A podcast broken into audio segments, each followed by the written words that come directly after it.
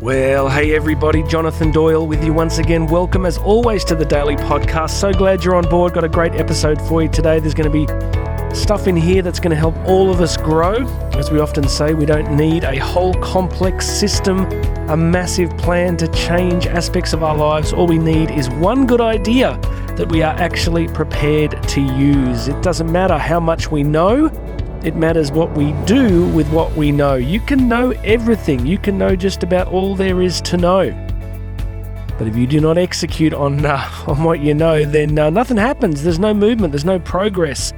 Right, welcome aboard. Uh, it is a maximum of seven degrees today here in uh, the national capital of Australia, where we uh, live. It's going to be seven degrees. And for my many sins, I'm coaching uh, under 16 Division 2 soccer today, so I will be spending part of my afternoon braving hypothermia on the frozen wasteland tundra pitches of uh, of Canberra. So that's my day ahead. But uh, this is going to be one of the best parts of my day, spending some time with you guys and bringing uh, some encouragement. And today we're going to do what we love to do, which is a, a listener question, which is always, I think, the best content.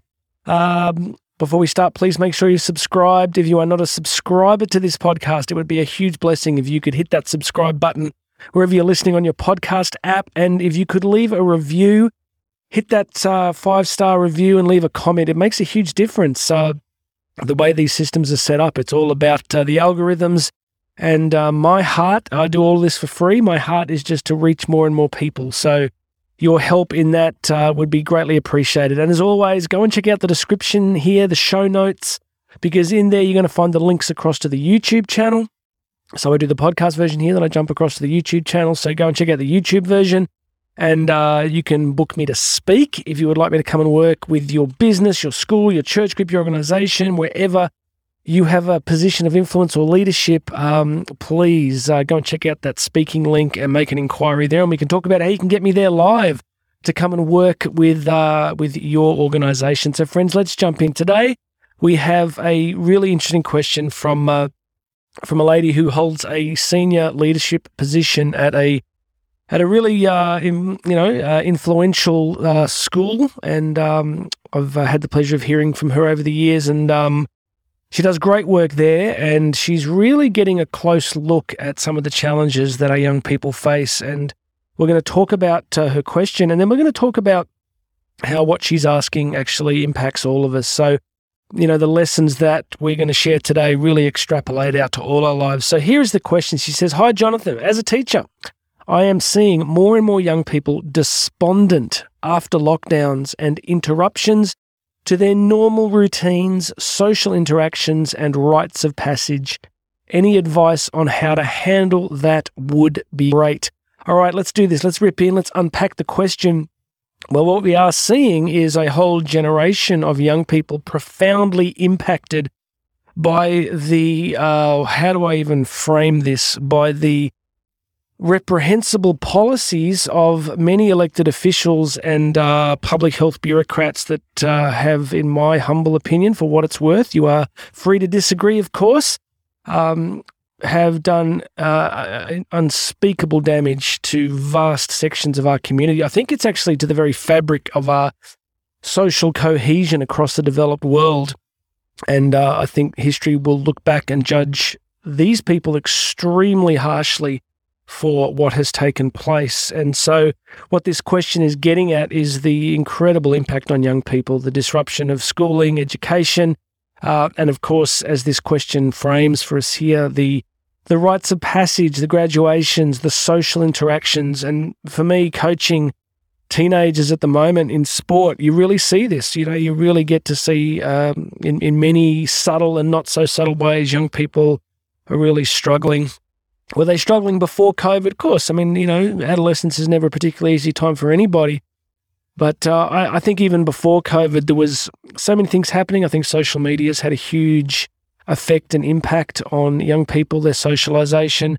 I remember reading an article years ago that um, young people are, you know, meeting in person less and less. They're actually, their level of social contact, you know, for most of us when we were young, you'd meet up places, right? You'd, you'd get into all sorts of trouble doing things you probably weren't supposed to be doing, but at least you were doing them in person. And, you know, so often now uh, young people are just not having, or even before COVID, weren't having that level of social interaction, physical movement, all that sort of stuff that was that was probably so common before that. Now, I don't want to sound like, um, you know, the uh, the 48 year old dad of teenage kids here, sort of, you know, shouting at the clouds, as they say, complaining about the world. Uh, I'm sure all throughout history, you know, there's there's been challenges for young people, but I think it is a different time that we're living in. And um, you know, even today, Karen's still away with uh, with our daughters um, in Queensland, and so Aiden and I are at home, and he's got some friends coming over today. And normally, what these guys try and do is um, is sit in front of Minecraft and stuff all day. So I've already organised the day to take him out to a gymnastics park uh, straight after I get out of here, and then I'm going to take him on a long hike up a very large hill.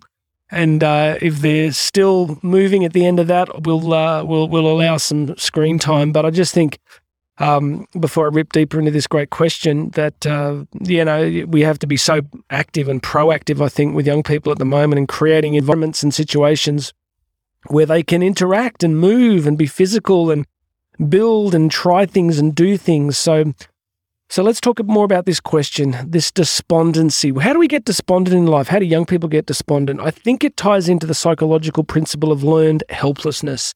So many of you be familiar with the concept of learned helplessness, which is it, it be sort of it, it came from actual lab studies on rats.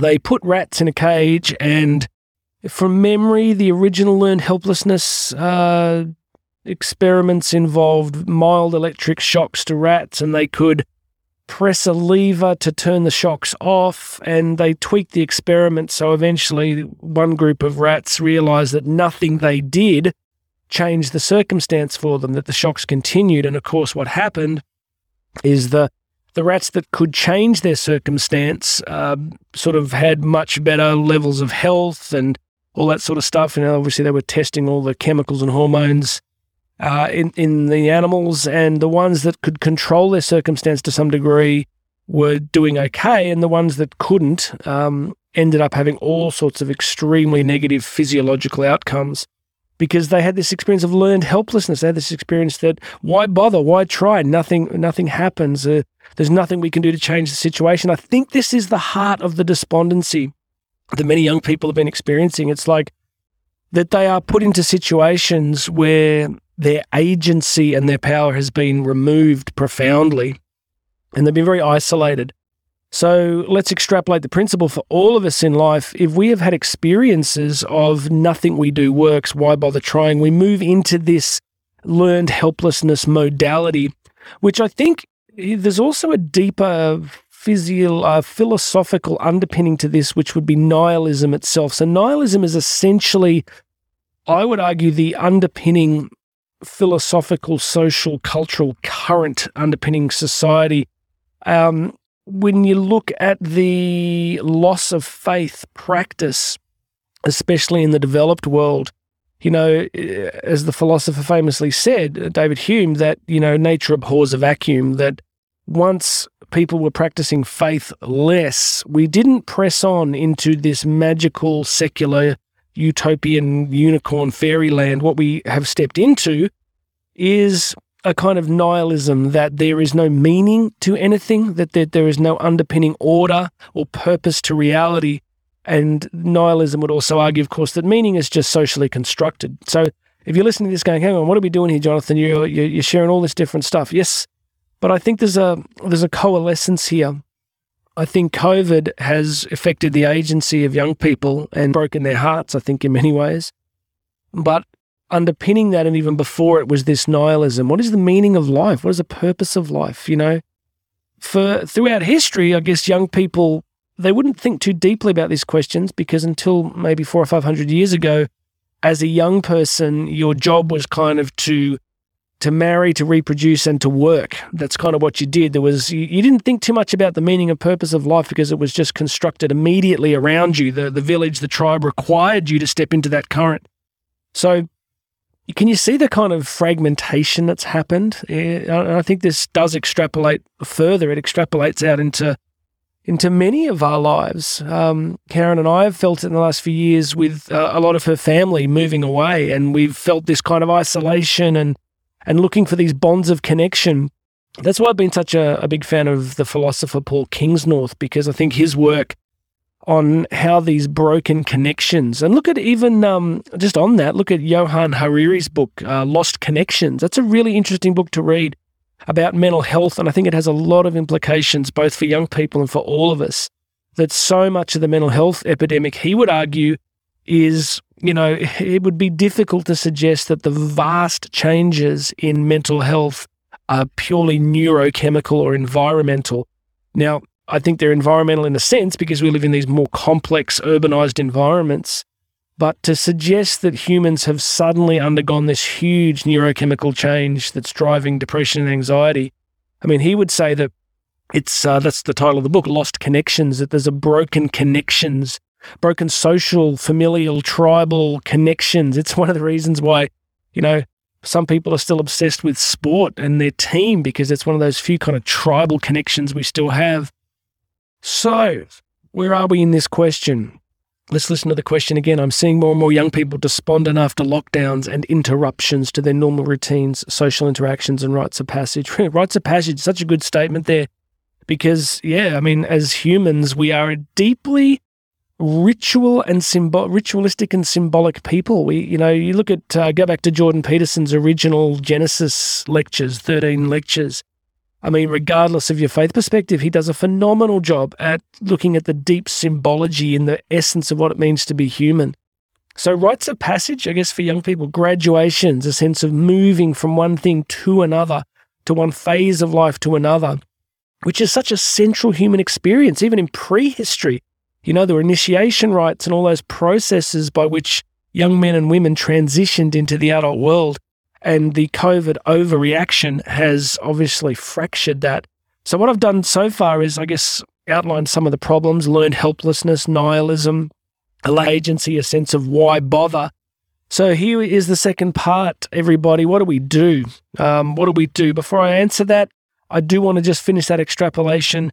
All of us, whether we're young people affected by COVID or not, all of us in life, I would imagine, have had experiences of despondency, of you know depression possibly or why bother or I keep trying at this and it doesn't work and why bother so I want to give you a few thoughts on that I think one of the best places to go is to look at the third Viennese school of psychology. So, Freud founds the first Viennese school, Jung founds the second Viennese school, and uh, Viktor Frankl is seen as the progenitor of the third Viennese school, which is logotherapy. Logo, com- logotherapy coming from the word logos, meaning, well, logos is hard to translate, but it means the word, the story, the narrative. So Frankl's theory was very much around the story that we tell ourselves about reality. Now, uh, most of you would know Viktor Frankl, of course, was a Jewish psychiatrist who was captured by the Nazis in the Second World War, imprisoned in Auschwitz, saw um, many family members die. And uh, his masterwork was that he, as a psychiatrist, watched very, very closely what happened to all the people there and people's responses to the suffering, and especially to the nihilistic, abstract, arbitrary nature of that suffering. So, we're talking today about young people who've gone from, you know, uh, a sense of agency and control to losing it and experiencing despondency. Well, imagine the loss of agency and control you would feel if you were a prosperous member of society. You're arrested by the Nazis and your entire life is just utterly destroyed. Your agency is completely removed and you're experiencing these radical circumstances. This is the essence of what Frankl focused upon. It was what do people do under these circumstances? What what are the responses people make? And broadly, he came down to a bifurcation, uh, a kind of delineation between two groups of people. You know, the first group of people were the ones that could find no meaning. They could find no purpose in their suffering. They could find no essential logos behind it. It was arbitrary and random, a bit like the rats back in the learned helplessness experiments. How do you live if you are suffering terribly and it just seems to you that there is no meaning and purpose to it? And he said, These people just disintegrated. he said they would they would die very quickly. They would die of strange, unusual uh, conditions. They would they would take their own lives. I think it got to the point where I can't remember if there was 50 or there was 500 people a day. I think it was 50 who would throw themselves on the electric fences just to end their suffering. So he said that under these conditions, there was these groups of people that could not find a purpose or a meaning to it. And he said, conversely, there was a different group of people that decided that there was a meaning to what was happening and they had to construct that meaning. So, what Frankl did is he constructed a meaning. He said, I have been placed here. The meaning of my suffering, the meaning of me being in this environment is that I am here to be a witness to this and to teach it. I'm going to survive. I will survive somehow. And then I will teach the world about what's happened here and what I've learned. And he would visualize himself in a future sense, teaching in uh, universities and explaining things to people.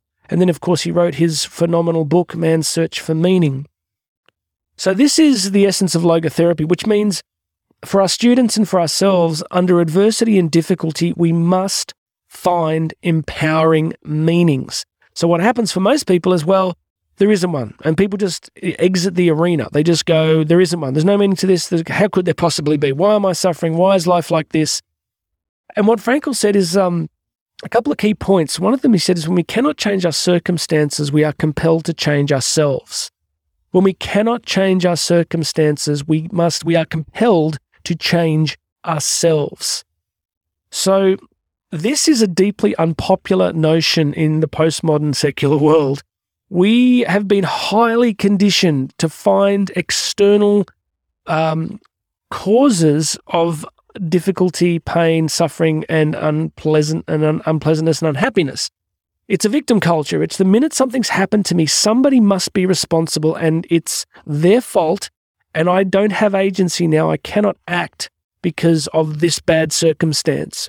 So immediately once you do that, you externalize your power, you surrender your power, you give your power away to whatever you know government program system whatever it is whatever wherever you find the source of uh, suffering and whoever's doing it to you you will empower them and i know some of you are listening going well what about real justice what about when people are doing bad things exactly with that that's we need to we can definitely fight real injustice in the real world but we begin by realizing that we have enormous agency, at least in the in, in the sense of how we choose our response.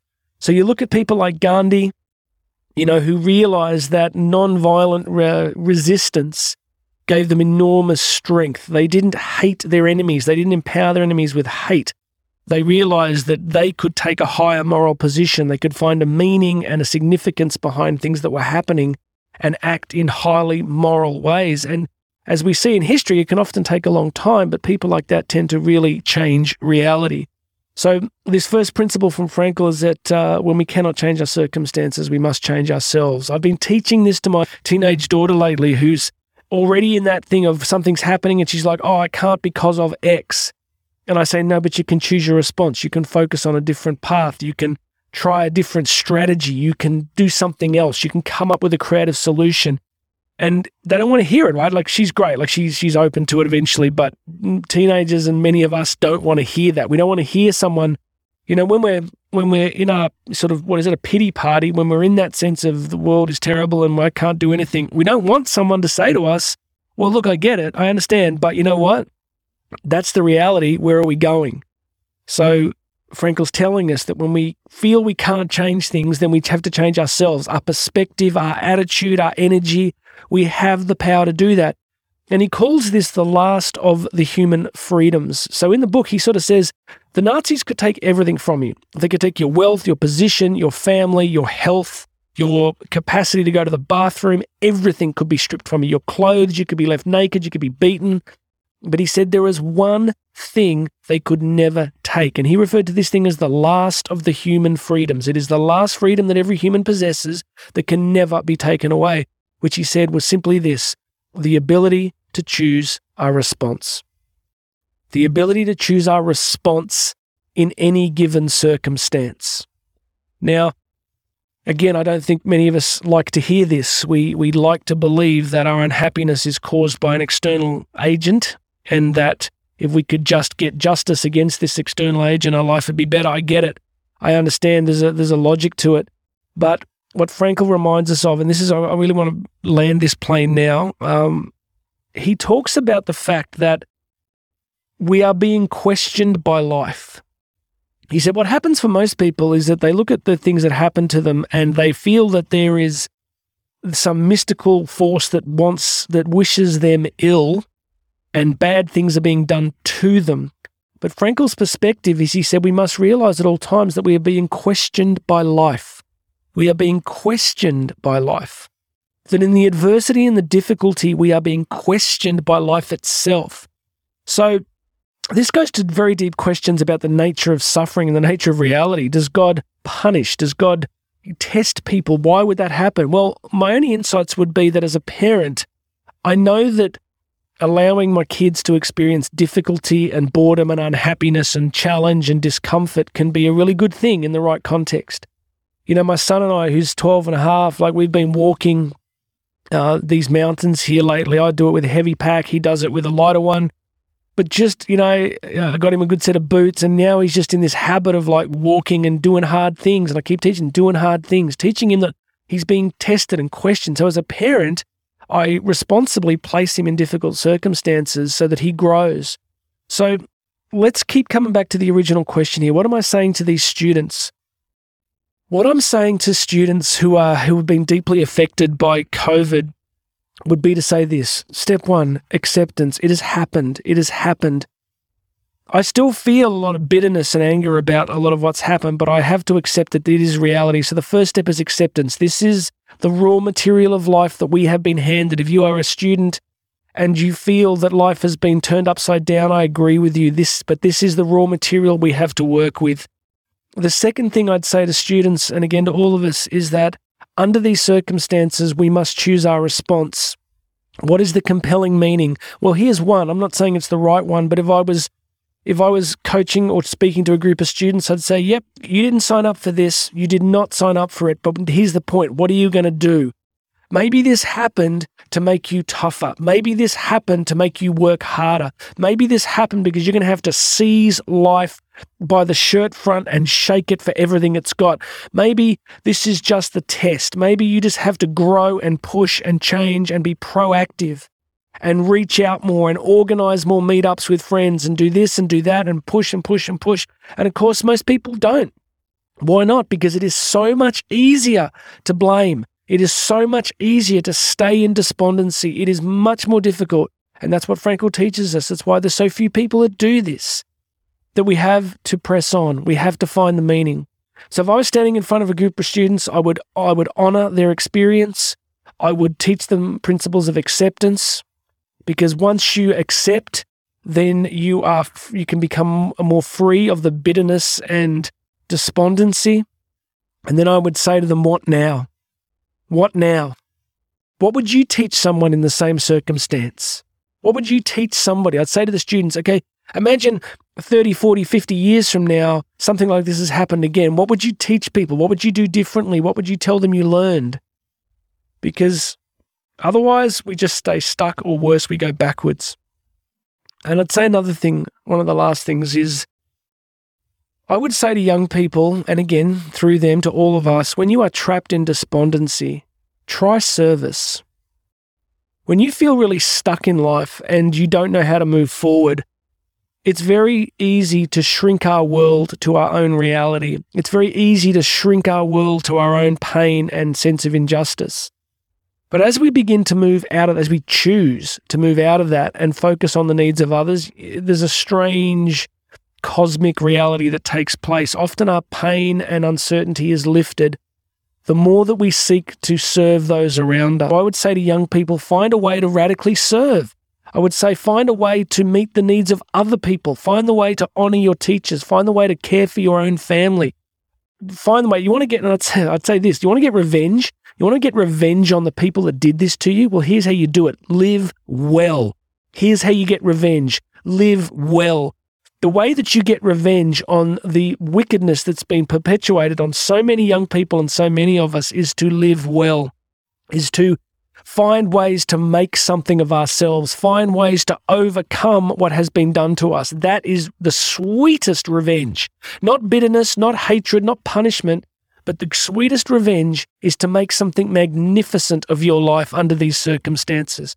I mean, I look at Frankl and I look at a guy who just suffered terribly and had every reason to be full of bitterness and rage. But what did he do? He made something extraordinary of his life. He built a life radical service and communication and blessing and wisdom and insight. And I would say to every young person, these are the choices you face. You can spend the next five to 10 years blaming the system for why you didn't get into this course or why you struggle with this thing. But I look at a guy, what's his name? Ben Carson, ran for US president. The first guy in the world to separate conjoined Siamese twins at the brain level. One of the greatest neurosurgeons in, in human history and a guy who grew up with huge learning difficulties in a single parent home in a Detroit housing project and taught himself to read in public libraries and went on to operate at the highest levels of culture and influence. Why? Because that's how he got his revenge. He looked at everything that had been done to him and everything that had been handed to him, and somehow, by the grace of God and his own cooperation with grace, he chose a higher path. So I'm going to stop now because I'll just keep going on and on and on. But I thank you for this question. It is true that our young people are facing despondency after all these interruptions, but the story doesn't have to end there.